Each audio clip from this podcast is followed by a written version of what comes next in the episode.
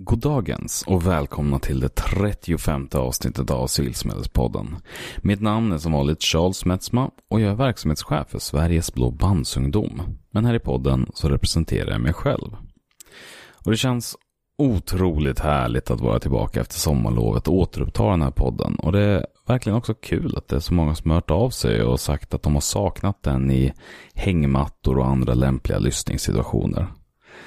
Målsättningen är förstås att vi ska vara tillbaka på att köra varannan vecka, men mitt nya jobb får ju styra hur mycket tid och energi jag har till övers. Men i slutet av avsnittet så kommer jag som vanligt prata lite grann om ditten och datten, så häng gärna kvar när det känns som att det faktiskt tar slut. Men nu, vignett. Sverige är ett land som är byggt utav folkrörelser. Och vi vill lyfta fram de unga kandidaterna till styrelsen. Om en grupp av människor har en gemensam intresse, då kan de bilda en förening. Det är en gryende folkrörelse. Idag sitter jag tillsammans med Pega Afsharian som är medgrundare och operativ chef på Kompis Sverige. Goddagens! Hej! Är du redo? Ja, det är. Då kör vi. Och eh, precis som vanligt så kommer den första frågan att handla om liksom, hur du blev en engagerad människa. Ehm, oj, det är väldigt svårt att säga liksom, när det hände. Men jag skulle nog säga att mitt engagemang alltid har funnits. Jag har en pappa som alltid varit väldigt engagerad hela mitt liv. Eh, och som också är anledningen till varför han och min mamma flydde från Iran till Sverige. Ehm, så under hela min uppväxt så har det alltid funnits ett engagemang för människor. Och alltid en nyfikenhet på liksom hur jag kan göra saker bättre. Jag har sedan jag var liten alltid åkt till Iran varje år och alltid känt väldigt starkt att jag vill göra någonting för att göra världen lite bättre. För att jag alltid känt att mitt liv jämfört med mina kusiners alltid varit så annorlunda och jag har alltid haft det... Eh, men jag har känt mig väldigt pri- privilegierad på så sätt. Att jag har kunnat bo i Sverige och ha ett liv eh, som kanske haft mycket mindre bekymmer än mina kusiners. Ehm, så mitt engagemang har liksom alltid funnits där. Men sen så när jag eh, började, eller när jag blev 18, då började jag liksom bli volontär eh, på olika organisationer. Och då satte jag nog liksom engagemanget i handling. Från att tidigare eh, kanske mest ha känt att jag bryr mig om vissa frågor så gjorde jag någonting åt saken. Vad var det för typ av uppdrag du gjorde då? då? Mm, eh, som 18-åring så engagerade jag mig inom Röda Korset. Så det var i, både inom språkverkstad där man eh, kunde ja, men, prata svenska med nya svenskar. Eh, sen har jag varit eh, med i styrelsen för Lunds FN-förening. Eh, och där var jag också senare ungdomsansvarig. Eh, där vi jobbade med olika typer av frågor inom mänskliga rättigheter. Och anordnade bland annat ett samarbete med olika gymnasieskolor i Lund med tema mänskliga rättigheter. Där eleverna fick ta fram olika projekt inom området. Väldigt praktiskt arbete. Ja, det var väldigt lärorikt och mitt engagemang har ju verkligen liksom fått mig att förstå vad jag tycker är kul och vad jag vill göra mer av. Och det är också väldigt mycket tack vare de olika verktyg jag fått genom åren eh, som frivillig och volontär. Det är nog tack vare mitt engage- engagemang som jag sen verkligen lärde känna vad jag tycker är kul och vad jag vill göra i livet. Och, som, och det är också en av många anledningar till varför jag sen startade Kompis Sverige. Tillsammans med Natasha. Och hur kom ni till den punkten då? Att ni faktiskt startade? Vad var det som var gnistan som gjorde att nu kör vi? Ehm, jag tror att jag aldrig egentligen, alltid har tänkt att jag vill jobba inom en ideell organisation. Men aldrig eh, tänkt att jag själv skulle starta en ideell organisation. Jag eh, har aldrig liksom förstått, innan jag startade Kompis Sverige så um, hade jag ju själv ingen aning om hur man startar en organisation. Och jag tror också att när jag och Natasha gjorde det eh, så har vi lärt oss det på vägen. Eh, men om man ska göra en lång historia kort så lärde jag känna Natasha när vi båda sökte samma jobb.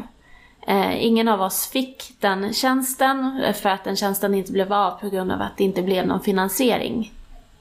Eh, och då så eh, pratade vi med varandra istället och pratade om vårt engagemang inom olika typer av integrationsprojekt som vi båda hade varit engagerade inom.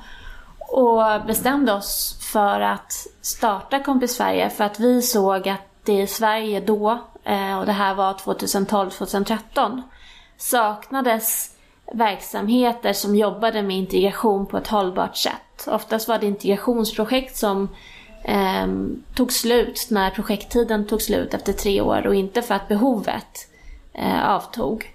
Och vi kände också att eh, väldigt många av de integrationsinitiativ som vi kände till fokuserade på det ojämlika mötet mellan nya och etablerade svenskar. Där den nya svensken ofta bedömdes som flykting och som skulle bli hjälpt och i mötet med den etablerade svensken så skulle den etablerade svensken hjälpa Ja, och vara en guide eller mentor. Ja. Precis, och det, det ville vi ändra på. Vi kände att det som, och det vi såg var att det som saknas i samhället är en plattform där nya och etablerade svenskar träffas på en jämlik nivå där båda utgår ifrån att de ska lära sig av varandra och på så sätt också utöka sin förståelse för varandra. Så utifrån den drömmen om att öppna upp Sverige genom möten startade vi Kompis Sverige. Coolt. Eh, Men har du haft eh, andra typer av, du sa att du var volontär och så, men har du haft förtroendeuppdrag, eh, alltså i den bemärkelsen av så här, om- har du varit med i en styrelse eller sånt också innan liksom, ni grundade? Ja, ehm, en av mina nära vänner som också varit på eh, besök hos dig, eh, Johan Wendt. Ja, Han grundade Mattecentrum. Eh, och jag var en av de första som ja, fick veta om hans idé. Och det var också han som fick mig att för första gången ens höra ordet socialt entreprenörskap. Så där har jag dels liksom följt hans resa men också suttit med i Mattecentrums styrelse. Eh, jag har själv också jobbat extra där och lärt mig väldigt mycket. Ehm, eller blivit väldigt inspirerad själv på hur man kan starta en ideell organisation. Ehm, på så sätt. Eh, jag har suttit med nu även efter att vi startat Kompis Sverige har jag suttit med i eh, olika ja, men, styrelser inom Röda Korset och också varit frivilligt engagerad där. Ehm, så ja, Mm. lite har jag. Men hur kändes det då? För det är lite, det jag blir nyfiken. Alltså just det här att eh, hur var det att starta en ideell organisation där det fanns en så tydlig liksom, tanke eh, men ändå eller hur, kände du att du visste vad du gav dig in på? Det är väl det som är jag tänker Eh, egentligen. Nej.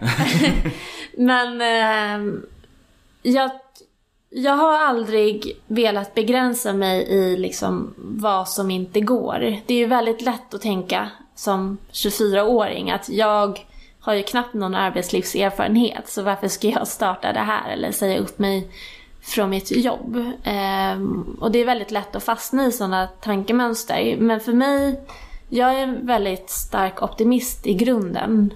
Och eh, jag och Natasha kände nog redan från början att det vi inte kan, det frågar vi om hjälp eh, för. Och så har vi gjort hela vägen. Att det vi inte kunnat har vi, vi har kontaktat personer. Hej, du har startat det här och ehm, nu ska vi göra det här. Kan inte vi få träffa dig och få höra hur du byggde upp det här till exempel? Eller du kan ekonomi, kan inte du berätta för oss hur du sätter upp en budget? Ehm, så på den vägen har vi också tagit till oss kunskap som vi inte haft eller tagit in människor som har kunnat komplettera oss. Ehm, så jag skulle säga att även om vi två startade Kompis Sverige för fem år sedan så är det så många fler människor idag som skapar Kompis Sverige varje dag. Ehm, och det är väldigt viktigt att också vara ödmjuk i att kunna ta in människor som kan komplettera en. Eh, för allt kan man inte göra själv. Verkligen.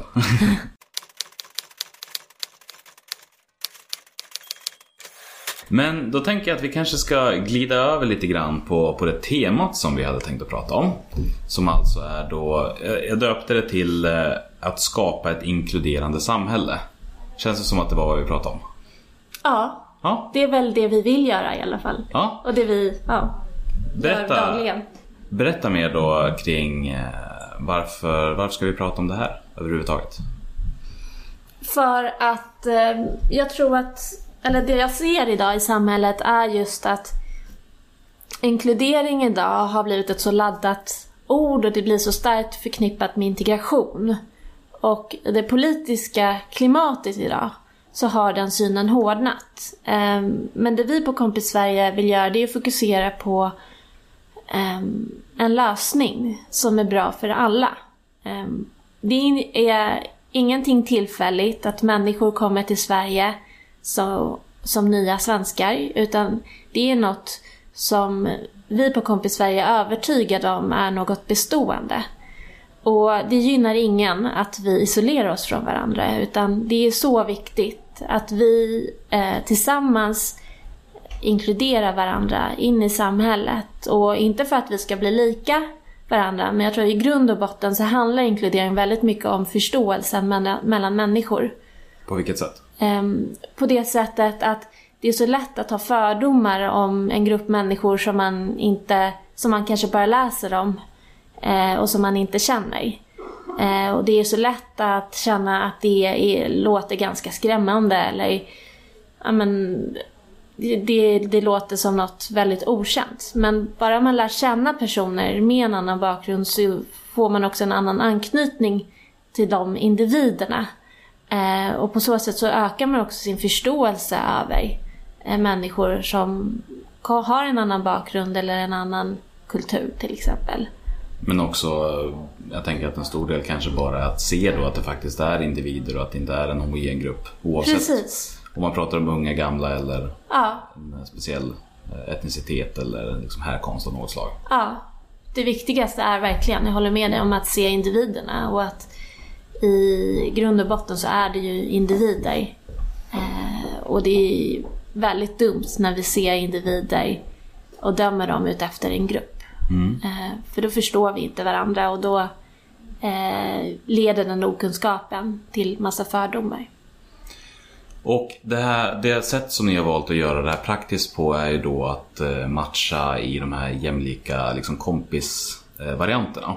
Men det som gör mig lite nyfiken det är väl egentligen hur, hur går liksom den processen till eh, rent praktiskt? För att jag menar ändå, för mig så är ändå kompisskap någonting som, som uppstår när två människor fattar tycke för varandra och det i sig är väldigt luddigt och abstrakt. Vad är det som gör att eh, jag känner tillhörighet till en annan människa? Så hur gör ni för att liksom förbättra förutsättningarna för att, för att det ska funka så? Det vi gör är att när man som ny svensk vill gå med i Kompis Sverige så intervjuar vi eh, de nya svenskarna ute på de SFI-skolor där vi är och berättar om att vi finns. Ehm, som etablerad svensk så kan man antingen komma på en intervju eller så kan man anmäla sig via ett formulär. Och sen när vi sett, sitter på vårt kontor och ska matcha ihop de här individerna med varandra så kollar vi mycket på um, ålder, intressen, familjebakgrund och egna önskemål. Ehm, och på så sätt så hittar vi gemensamma nämnare där vi tror att de här två har det här som intresse eller de här två har gemensamma, eller, gemensam ålder på eh, sina barn och det här kommer underlätta eh, när de umgås. Så vi försöker hitta de gemensamma nämnarna när vi matchar. Går, alltså, och går det då liksom matchmaker på det sättet? Eller liksom, Absolut. hur stor, hur stor, eller så här, hur stor andel av, av de som liksom matchas ihop äh, blir någonting bestående? Oj, det är en Eller- bra siffra som jag borde ha i huvudet just nu.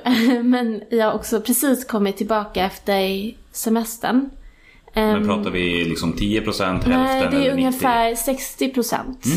Mm. eh, som säger att de kommer fortsätta ses efter ett halvår. Ja. Ehm, Men det är väl ändå en ganska hög siffra baserat på liksom att man bara tussar ihop människor. Ja, hur som verkligen. helst. Eller inte hur som helst men eh, på ganska lösa grunder. Ja, men många gånger så tänker jag också att när man har träffat sina vänner redan när man var ung så är det oftast för att man hamnat i samma klass. Ehm, och utifrån det och det tillfället i livet så hittar man vänner som man knyter sig an till. Det vi gör här är att vi, man kanske inte hamnar i samma klass för att det är ganska svårt för att man bor kanske i olika områden i stan eller man eh, liksom rör sig i olika områden. Så det vi gör då är att vi matchar ihop människor utifrån gemensamma intressen eller gemensam familjebakgrund istället. Mm. Och en sak som är intressant ur liksom ett bredare föreningsperspektiv det är också hur, vad gör ni då för att underhålla motivationen till att fortsätta träffas och att engagera sig? Eh, vad gör ni för att människor ska fortsätta vara en del av liksom rörelsen som sådan? Eh, bortsett då från att om man träffar en kompis så kommer du fortsätta vara kompis.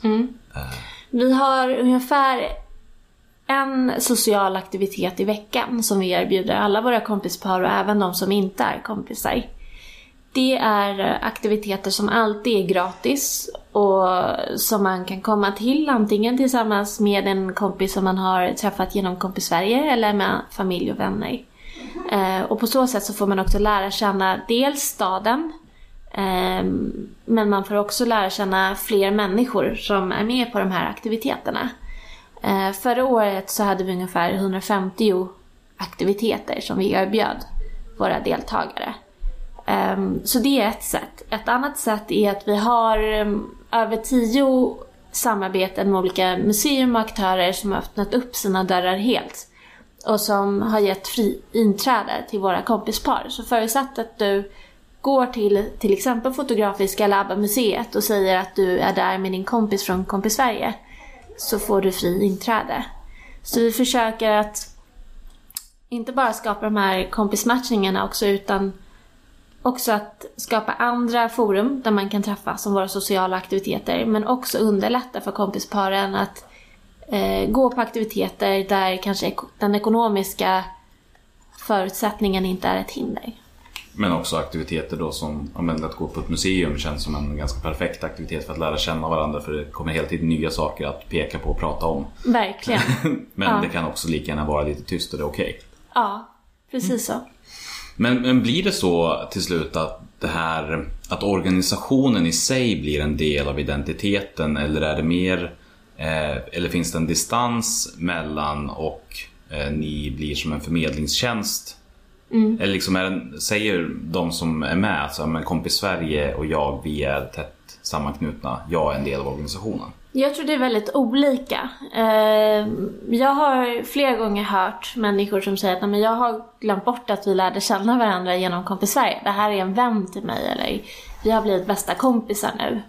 Eh, sen finns det de som mer går oftare på våra sociala aktiviteter och då också känner att man har gått in i en gemenskap som Kompis Sverige är. Eh, så det är olika och det beror lite på individ till individ hur man eh, vill definiera sitt engagemang inom Kompis Sverige. Vissa är bara intresserade av att lära känna en kompis och så fort man har gjort det så känner man att men nu har jag gjort det och jag har nästan glömt bort att jag är med i er organisation. Eh, och andra vill engagera sig ännu mer och väljer att antingen bli volontär eller, eller vara med ofta på våra aktiviteter. Och hur funkar den biten för er då? För jag kollade lite grann på, på hemsidan just det här och det finns ju ingenstans eh, någonting om att bli medlem eller att läsa stadgar eller sånt som annars är ganska tätt förknippat med eh, Föreningssverige. Eh, vad eh, var det som är motivet bakom att det är mer direkt ner i verksamheten och inte så mycket föreningsarbetet som, som ni försöker engagera runt? Nej, men när vi bestämde oss för att starta Kompis Sverige så såg vi offentlig sektor som en naturlig eh, partner för oss. För att, för att offentlig sektor också har ett väldigt viktigt uppdrag i att etablera sina med, eller få sina medborgare att känna sig etablerade i Sverige. Eh, och på så sätt så har vi skapat en affärsmodell i nära samverkan med eh, kommuner till exempel. Det har också gjort att vi i första hand inte har sett över att skapa en förening som är baserad på medlemskap. Men det är också något som vi pratar om eh, och hur vi vill liksom utforma vår verksamhet och organisation i framtiden. Men allt har sin tid och just nu har vi eh, fokuserat på affärsmodellen kring samverkan med offentlig sektor för att vi ser att de har en väldigt viktig uppdrag. Och vi vill gärna vara med och stötta kommuner i deras uppdrag att få deras medborgare att känna sig mer etablerade i Sverige. Och a- anledningen till att jag frågar det är för att här, det här är ett område som, som intresserar mig liksom allra mest.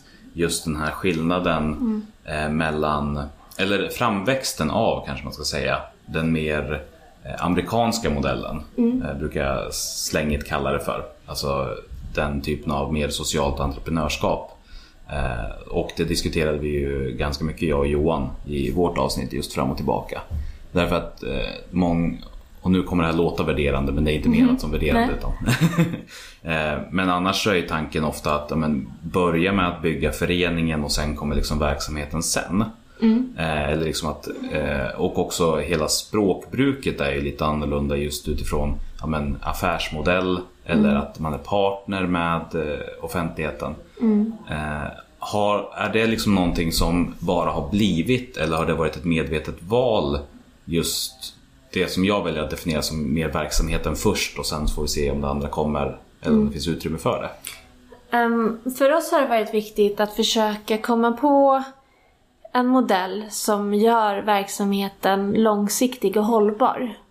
Och då har vi ehm, hittat det här sättet just nu. Um, och där har vi känt att vi både inspirerats väldigt mycket av ideell sektor i hur man jobbar men också kring hur um, andra företag kanske jobbar med att skapa hållbara um, verksamheter. För oss är det väldigt viktigt att skapa ett initiativ som i första hand finns så länge behovet finns bland våra deltagare. Um, och vi har nog helt enkelt bara hamnat i eh, den, det språkbruket tror jag för att vi för vårt första steg var att kontakta Botkyrka kommun och fick till ett samarbete där. Och sen har vi också på vägen eh, fått stöd av olika personer som har coachat oss och som mer kommit från näringslivet än offentlig sektor. Nej, för, för jag tycker det är intressant på det sättet att eh, det blir ju, vad ska man kalla det, effektivare. Eh, att, att jobba med liksom, verksamheten så nära och att allting liksom kretsar kring verksamheten. Eh, samtidigt som det då sker på bekostnad av liksom, den här demokratiska skolningen eller det demokratiska lärandet. Och jag är inte helt hemma i heller vilket som är eh, vilket som är vad. Just eftersom att det finns så tydliga fördelar med, med båda arbetssätten. Alltså för att eh, den demokratiska delen är ju viktig liksom för uppbärandet av samhället i sig. Eh, och liksom stärker människor genom det arbetet. Men samtidigt så, så tar ju demokrati tid. Och det kan ofta ske då på bekostnad av verksamheten eller att man tappar bort syftet därför att organisationen i sig blir viktig för organisationen. Om du hänger Ja, jag vad jag förstår. menar. Men jag tror också att vi helt enkelt inte har kommit dit än. Utan eh, Eh, vi är ju fortfarande, vi identifierar oss fortfarande väldigt mycket i en uppbyggnadsfas. Även om vi har funnits i fem år. Ehm, så vi kan mycket väl forma oss till att bli en stark medlemsorganisation i framtiden. Men vi har ännu inte kommit dit än. Utan ehm, vår första steg var just att vi ville få till en samverkan med ehm, kommuner. Eh, och på den liksom vägen har det varit för att vi har sett att det har lett till att vi snabbt har kunnat komma i kontakt med vår målgrupp och också skapa eller nå vårt syfte. Eh, men sen så pratar vi också mycket om så här, hur vill vi forma oss i framtiden. Eh, så det är ett samtal vi har just nu. Och det är jätteintressant eh, just det här med dina tankar kring det. Det kommer jag verkligen ta med mig. Jo men alltså verkligen. Eh, Och eh, som jag sa, jag försöker i alla fall inte lägga någon värdering i det utan Nej. titta på det, liksom vad det var och på vilket sätt. Men, men den stora, största skillnaden är väl liksom ingångsvinkeln. Är det liksom medlemsbyggandet först eller är det verksamheten först? Vart, som, vart någonstans man kommer in i det. Ja. Jag tror att fokus för oss har ju varit just hur kan vi skapa största värde för målgruppen. Eh, och sen så har, har vi helt enkelt börjat med änden av att få in samarbeten med kommuner. Hur ser det ut för den som då ändå engagerar sig som volontär hos er. Eh, när det kommer till möjligheten att gå djupare in i organisationen och på vilket sätt eh, jobbar ni för att man ska engagera sig på ett djupare plan bortsett från bara att vara ett kompispar? En sak som vi pratar väldigt mycket om är vikten av en deltagarupplevelse hos våra deltagare. Och det ser vi också leder till många ringar på vattnet. En väldigt vanlig eh, kommentar som vi får när vi ställer frågan hur man har hittat till Kompis Sverige är att man har hört talas om oss genom vänner eller familjemedlemmar som är med i Kompis Sverige. Um, och på så sätt så märker vi också att den rekommendationsgraden också gör att vissa väljer att engagera sig uh, mer och bli volontärer. Mm. Och, och just uh, är det väldigt, jag tänker att det ändå finns ett ganska tydligt svar. Då när någon kommer och säger jag skulle vilja göra mer så känns det som att det är väldigt färdigt att så här, då kan du välja på det här, det här och det här. Utifrån de teamen som finns listade på hemsidan eller liknande. Eh, är det någonting som gör att själva steget blir är steget ganska kort? Ja, det skulle jag säga. För det du får göra som volontär är ju att vara med och leda aktiviteter. Oftast kanske du innan har varit med på flera aktiviteter och vet hur det går till. Ehm, det kan också vara att du får följa med ut på SFI-skolor och rekrytera och då kanske du själv har varit SFI-elev innan eh, och hört oss prata. Ehm, vi försöker göra det så enkelt och smidigt som möjligt att engagera sig inom Kompis Sverige. Och det viktigaste för oss är att man som både volontär och deltagare känner att det skapar ett värde och att man får engagera sig i en viktig fråga. Mm. Nej, men jag fick känslan av att det ändå fanns en så här tydlig eh, en tydlig stege som man kan vandra i. Även om det inte var utskriven hur man gör på hemsidan så märktes det ändå att det finns en tanke kring att så fort någon säger jag skulle vilja så finns det ett svar. Är det rätt uppfattat? Nej, det beror lite på vad man vill. Ja, jo Det- förstås. Men, ja. men alltså när Men någon om- säger jag vill mer så finns det, då möts man inte av ett eh, stort abstrakt jaha utan Nej, då finns det tydligt... ehm, ja, men då kan man få eh, några olika förslag på hur man ska engagera sig. Mm. Så vill man mer så finns det alltid olika sätt att eh, göra någonting mer på. Och är det alltid så att eh, det är de som har varit liksom engagerade i verksamheten som kommer till er och säger att jag skulle vilja mer eller är det någonting som ni jobbar med också på något sätt att få fler att göra? Ja, vi lägger ju upp, ibland när vi ser att vi behöver fler volontärer eh, så lägger vi upp annonser på volontärbyrån. Ehm, när vi ser att vi behöver fler personer, just nu behöver vi många fler etablerade svenskar som anmäler sig och blir kompisar. Då kontaktar vi olika aktörer eller företag och frågar om vi kan få komma och berätta om Kompis Sverige för deras medarbetare. Eh, så vi försöker också vara proaktiva i, i det, absolut. Men utöver matchningar och liksom själva den verksamheten så såg det ut som att det fanns mer också. Vad gör ni utöver det? Vi jobbar också med workshops idag. Ehm, Det började med att vi ehm, förra året eh, Eh, kontaktade skolor för att gå ut och hålla i workshops för, eller gymnasieskolor för att gå och hålla i workshops för nya och etablerade svenska ungdomar. Ehm, 2015 så startade vi, nej nu ser jag fel. 2016 så startade vi ett samarbete med Reach for Change som stöttar oss i vårt ungdomsspår. Och med hjälp av deras stöd så kunde vi också förverkliga att skapa möten mellan nya och etablerade svenska ungdomar. Och i början så tänkte vi att vi skulle skapa mm, samma matchningsprogram som vi har för vuxna idag. Eh, Men märkte efter några månader att det inte funkade för ungdomar. För att? För att när vi gick in i klasser med nya svenska ungdomar så ville alla vara med. Och när vi gick in i klasser med etablerade svenska ungdomar så var, var det inte många som ville vara med. Eh, och det vi insåg då var att behovet av de här mötena mellan ungdomar var mycket större än vi trodde. Eh, men samtidigt också mycket svårare än vi trodde. Och då stod vi inför ett vägskäl där vi pratade om att antingen stänga ner vårt ungdomsspår eller försöka eh, skapa ett program som är mer anpassat för målgruppen.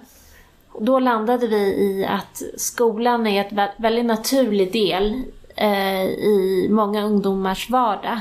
Och ett sätt att försöka skapa de här mötena mellan ungdomar är att vi kommer att hålla i workshops. Så idag så har vi samarbete med några gymnasieskolor där vi går ut och håller i interaktiva workshops där ungdomar eh, får lära känna varandra bättre och framförallt utöka sin förståelse för varandra mer. Eh, och för oss igen så handlar det om just att skapa inkludering. Och hur, det där låter ju superspännande. Hur, hur gör ni då för att tussa ihop människor som, som eh, där, det kanske inte, där det finns ett naturligt motstånd eller en ovilja till liksom det här lärarkännandet? Eh, Men vi ser att det här går väldigt naturligt in i många gymnasieskolors värderingsarbete. Ehm, så det är oftast när vi tar kontakt med mm, antingen rektorer eller lärare så ser vi att det finns ett väldigt stort intresse även hos dem och att behovet är stort att få ungdomar i olika grupper att mötas för att det idag i gymnasieskolor finns grupperingar. Um, och på så sätt så är det gymnasieskolorna själva som um, delar upp olika klasser och sen så får vi komma in och hålla i interaktiva och roliga aktiviteter. Där elever som annars aldrig liksom pratar med varandra får lära känna varandra bättre. Och hur kan det se ut i liksom, praktiken? Alltså rent konkret, vad är det ni gör för att få den som säger nej, jag vill inte lära känna någon ny att plötsligt prata med någon som den inte ville? Genom att hålla i interaktiva övningar som kan ses mer som lekfulla än allvarsamma. Ehm, Det finns alltid de som är lite mer skeptiska. Men samtidigt så um, är ju också många ungdomar nyfikna på varandra. Även om man kanske många gånger vänder sig till personer som är lika en själv eller som man går i samma klass med. Har du något exempel på någon sån kul och interaktiv lekfull övning? Ja, vi har tre delar. Eh, så vi kan antingen komma vid ett tillfälle eller så kan vi hålla i alla tre tillfällen vid olika datum.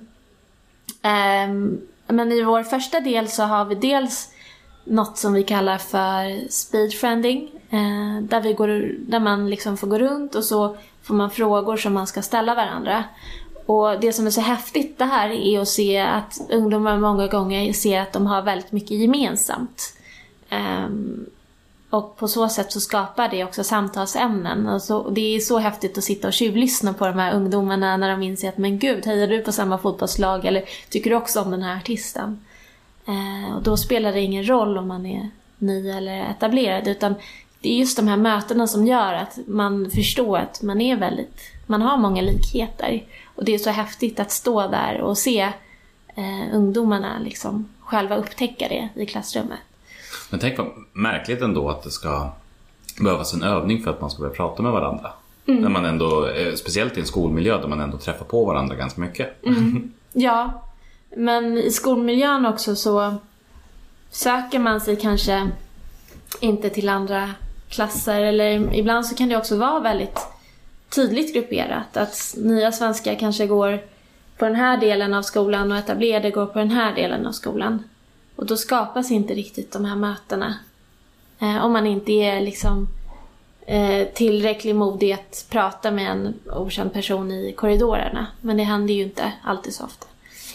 Men det där är... eh, Jag tycker att alla den typen av övningar som, som finns är väldigt eh, intressanta just eftersom att de är relevanta i alla former av sammanhang. Även i organisationer där, där alla har liksom kanske sagt ja till ett medlemskap och sånt där men ändå så känner man inte varandra för man kommer från olika delar av landet eller olika delar av stan eller vad som helst. Så just att verkligen främja den typen av, av möten eh, och jobba med det.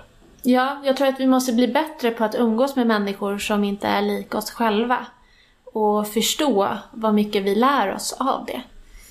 Ehm, Men jag tror att vi många gånger blir väldigt bekväma i att umgås med personer som är väldigt lika oss. Eh, Och det vill vi utmana lite grann. Och oftast är vi inte heller så olika som vi tror, skulle jag säga. Nej. Men hur, hur lång tid skulle du säga att det tar från alltså någon slags, det är svårt att generalisera förstås, men, men är det oftast eh, väldigt lite som krävs för att det liksom ska komma igång ett sprudlande samtal?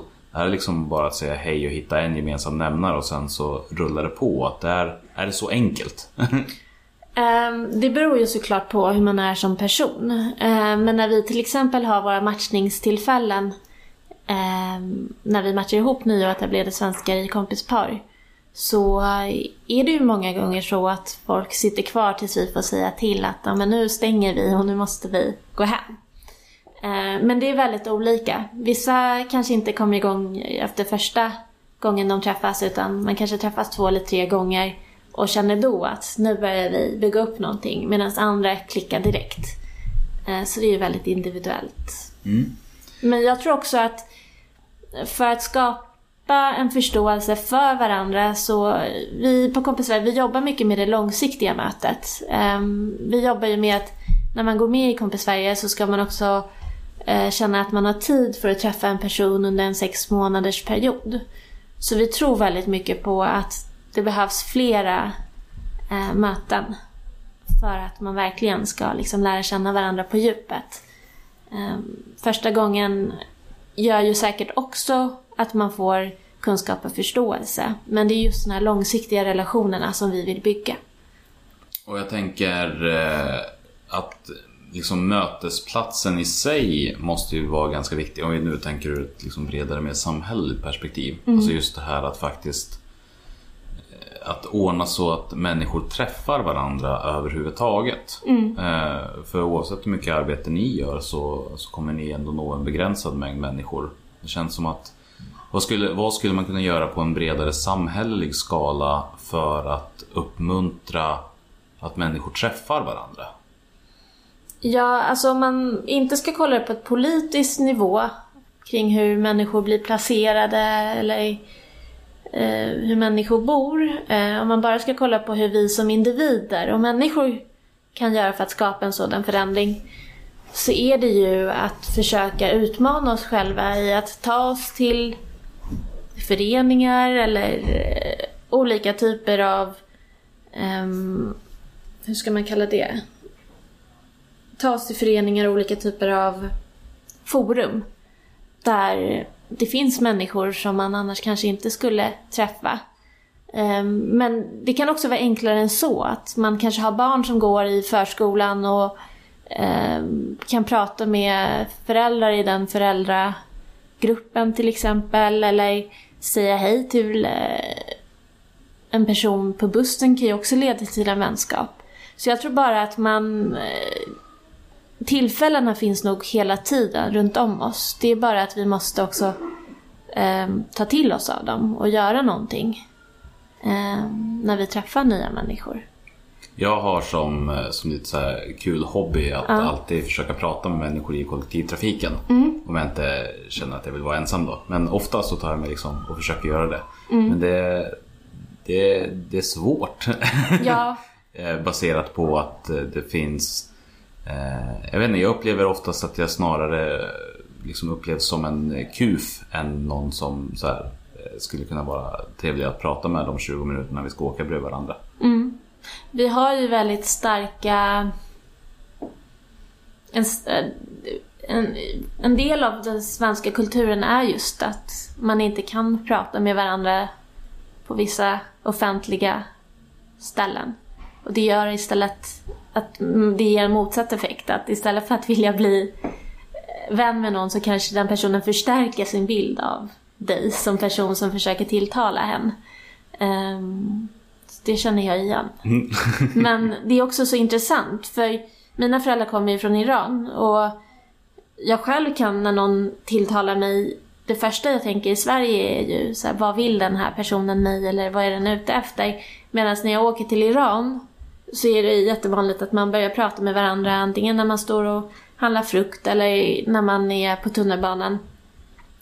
Och då kommer inte de frågorna upp utan man har faktiskt en konversation och tycker det är trevligt och ibland blir man också hembjuden till den personen. Eh, så, Så det är så intressant hur man... Ja, absolut. Så det är så intressant att se hur olika man reagerar beroende på vart man befinner sig och vad för kultur det finns eh, kring det. Jag brukar också alltid säga hej till alla människor som jag möter när jag är ute och går. Inte i Stockholm för där så är det så otroligt mycket människor men hemma i Västerås när jag är ute på promenad. Då brukar min fru, hon skäller på mig och tycker att jag är pinsam. Jag tycker det är enklare när man befinner sig i lite mindre städer att faktiskt säga hej till personer. Ja, Men om man är de enda två som går på en kilometer lång sträcka så är det ganska naturligt tycker jag. Ja, det tycker jag också. Alltså Det kan jag också göra. det blir knepigare att eh, försöka vända bort blicken och låtsas som att den andra inte är där. Nej, verkligen. Men jag tror också att sådana tillfällen, det är inte bara sådana tillfällen ehm, som behövs. Utan man kan ju faktiskt också... Det finns ju så mycket olika typer av föreningar. ehm, där det kanske är lite naturligare att man säger hej till varandra eller pratar med varandra. Ehm, det, eller vart barnen går i förskolan, i skolan. Där finns det ju alltid föräldrar som man också kan prata med. Ehm, så jag tror att vi har många fler liksom, naturliga forum där vi kan lära känna varandra än vad vi faktiskt... Har du, har Ser. du som ändå jobbat med det här någon Ja. slags bra tips på hur det går att bryta ner det där naturliga motståndet och att komma förbi vallen av vad vill den här personen mig? Det är en väldigt bra fråga. Nej, men jag tror att man kanske ska vara... Mm, våga vara mer nyfiken på människor. Eh, och våga utmana sig själv lite. Eh, jag tror att det enda sättet att kunna bryta den obekväma känslan är faktiskt att liksom ta sig igenom den och försöka vara nyfiken kring eh, andra människor omkring sig, det låter klokt. tänker jag. Finns det någonting som jag inte frågar om eh, men som du känner är viktigt liksom i sammanhanget eller som du vill lägga till på något sätt? Ja. Nej men jag tänker att nu under hösten så är det ju också val.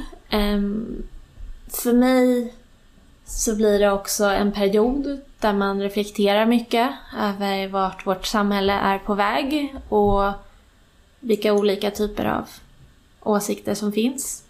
Och jag tror att det bästa sättet att försöka skapa ett mer inkluderande Sverige är just att förstå att det inte handlar om att politiker måste införa en viss typ av politik för att människor ska integrera sig. Utan det handlar om att jag och du som individer ska inkludera eh, varandra.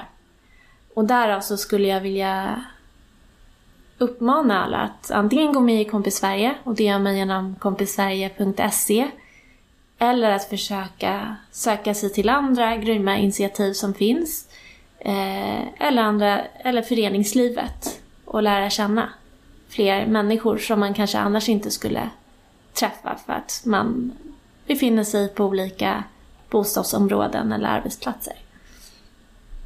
Låter eh, härligt ändå om det skulle vara... Alltså det är, jag får i alla fall bilder av ett väldigt trivsamt samhälle.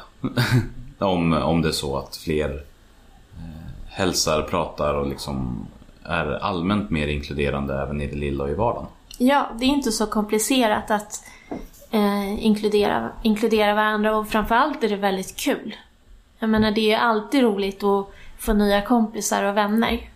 Och jag tänker också som föreningar är det relevant att fundera på hur ser den här platsen ut Eh, och hur mottar vi någon som kommer in som ny?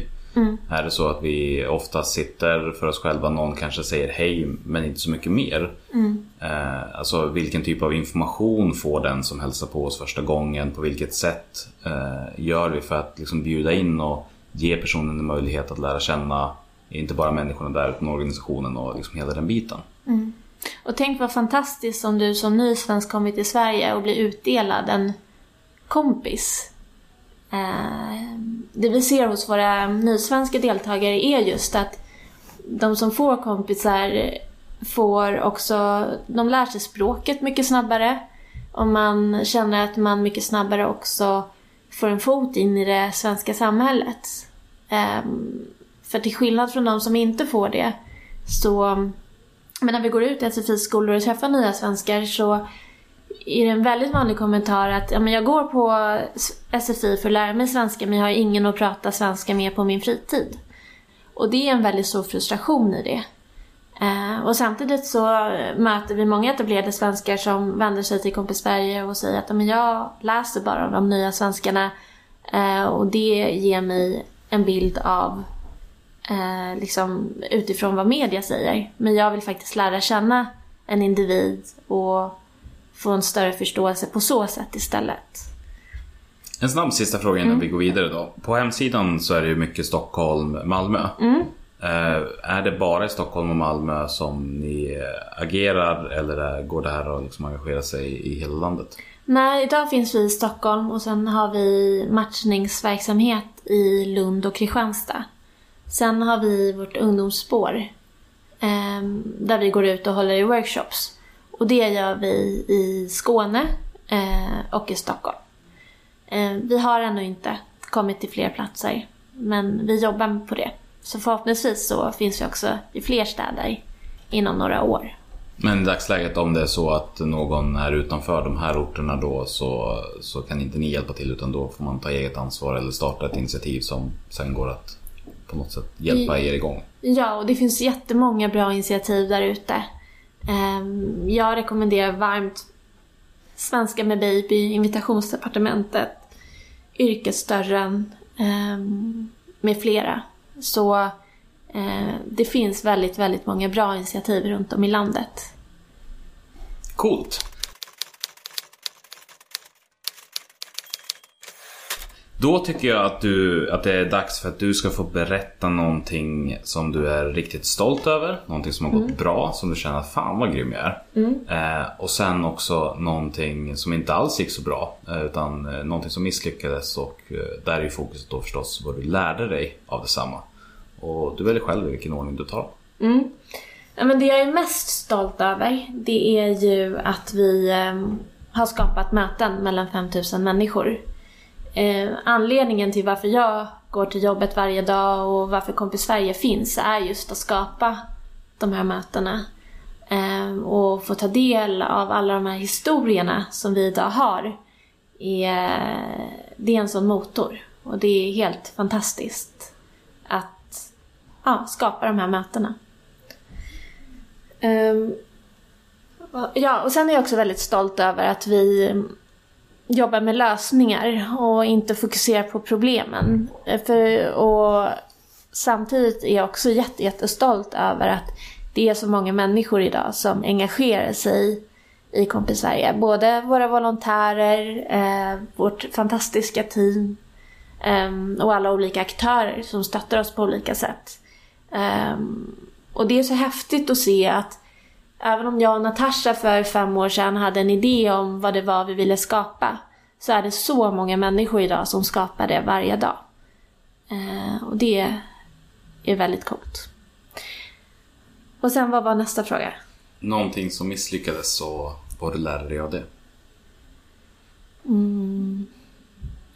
Nej, men jag tror att många av de misslyckanden vi har haft har också varit en väldigt viktig del i hur vi sen har utformat oss. Eh, och jag är väldigt glad över att de har skett, även om de i perioder har känts väldigt jobbiga. Och ehm, man har kunnat känna sig väldigt frustrerad. Ehm, vi har ju eh, ett stort misslyckande har ju varit att vi ibland har valt fel typ av samarbeten som bara slukat tid istället för att skapa mer värde. Ett annat, Och hur gör ni då för att inte hamna där igen? att inte ta... Det har legat i att i början så var vi väldigt duktiga på att ta snabba beslut. Idag har vi lärt oss värdet av att faktiskt eh, tänka igenom saker och att man behöver inte ta snabba beslut utan om du vill skapa en hållbar och långsiktig organisation ehm, så ska man också ge det tid. Eh, så vi har inte så bråttom längre med att försöka skynda på allting. Det har varit en jätteviktig lärdom. Ehm, ja. Jag har lärt mig jättemycket i liksom rekryteringsprocesser. Vi har gjort fel rekryteringar. Jag har lärt mig jättemycket att inte följa min magkänsla utan att följa tydliga processer um, utefter organisationens behov. Det har varit extremt lärorikt. Um, ja, och på så sätt så känner jag att vi idag har fått jätteviktiga verktyg för hur vi vill fortsätta utvecklas. Och jag tror misslyckanden är, det är bra, det är en del av processen och de ska man våga göra. Jag, jag tror att de är eh, otroligt positiva så länge som eh, de faktiskt används. Ja, Alltså att, du, att Precis. man reflekterar över varför gick det här fel och sen också erkänner att ja, men det här var någonting som gick fel. Nu liksom tittar vi på hur vi inte ska hamna där igen. Men ett misslyckande kan ju också vara eh, destruktivt om, om man försöker ducka och blunda för att nej men det här gick visst bra. jag håller helt med. Jag kan ibland känna att om jag gör någonting fel, och spe- speciellt om någonting händer igen, och så tänker man att om nej, är det här nu ett beteendemönster inom mig? Eller eh, vad är det som händer? Varför gjorde jag så här igen när jag för ett år sedan sa att det här ska, nu har jag lärt mig någonting av det. Så det är väldigt viktigt också att rannsaka sig själv. Att inte försöka, när någonting fel händer så är det väldigt lätt att låta sig själv skylla på någonting annat. Men jag tror att det är mycket mer lärorikt att inte göra det. Att snarare tänka, vad var det jag gjorde som ledde till det här? Vad var det som hände till att vi sa ja till det här samarbetet som sen inte fungerade? Än att skylla på den aktören och säga att det var de som hade fel intentioner. Ehm, så självrannsakan och liksom försök till självinsikt är väldigt viktig för att inte upprepa sina misstag. Men sen så ibland så händer det igen och då får man försöka över det igen. Otroligt klokt. Eh, och med det så skulle jag vilja tacka dig för allt som du har delat med dig och för det här samtalet som vi har haft. Tack så jättemycket själv.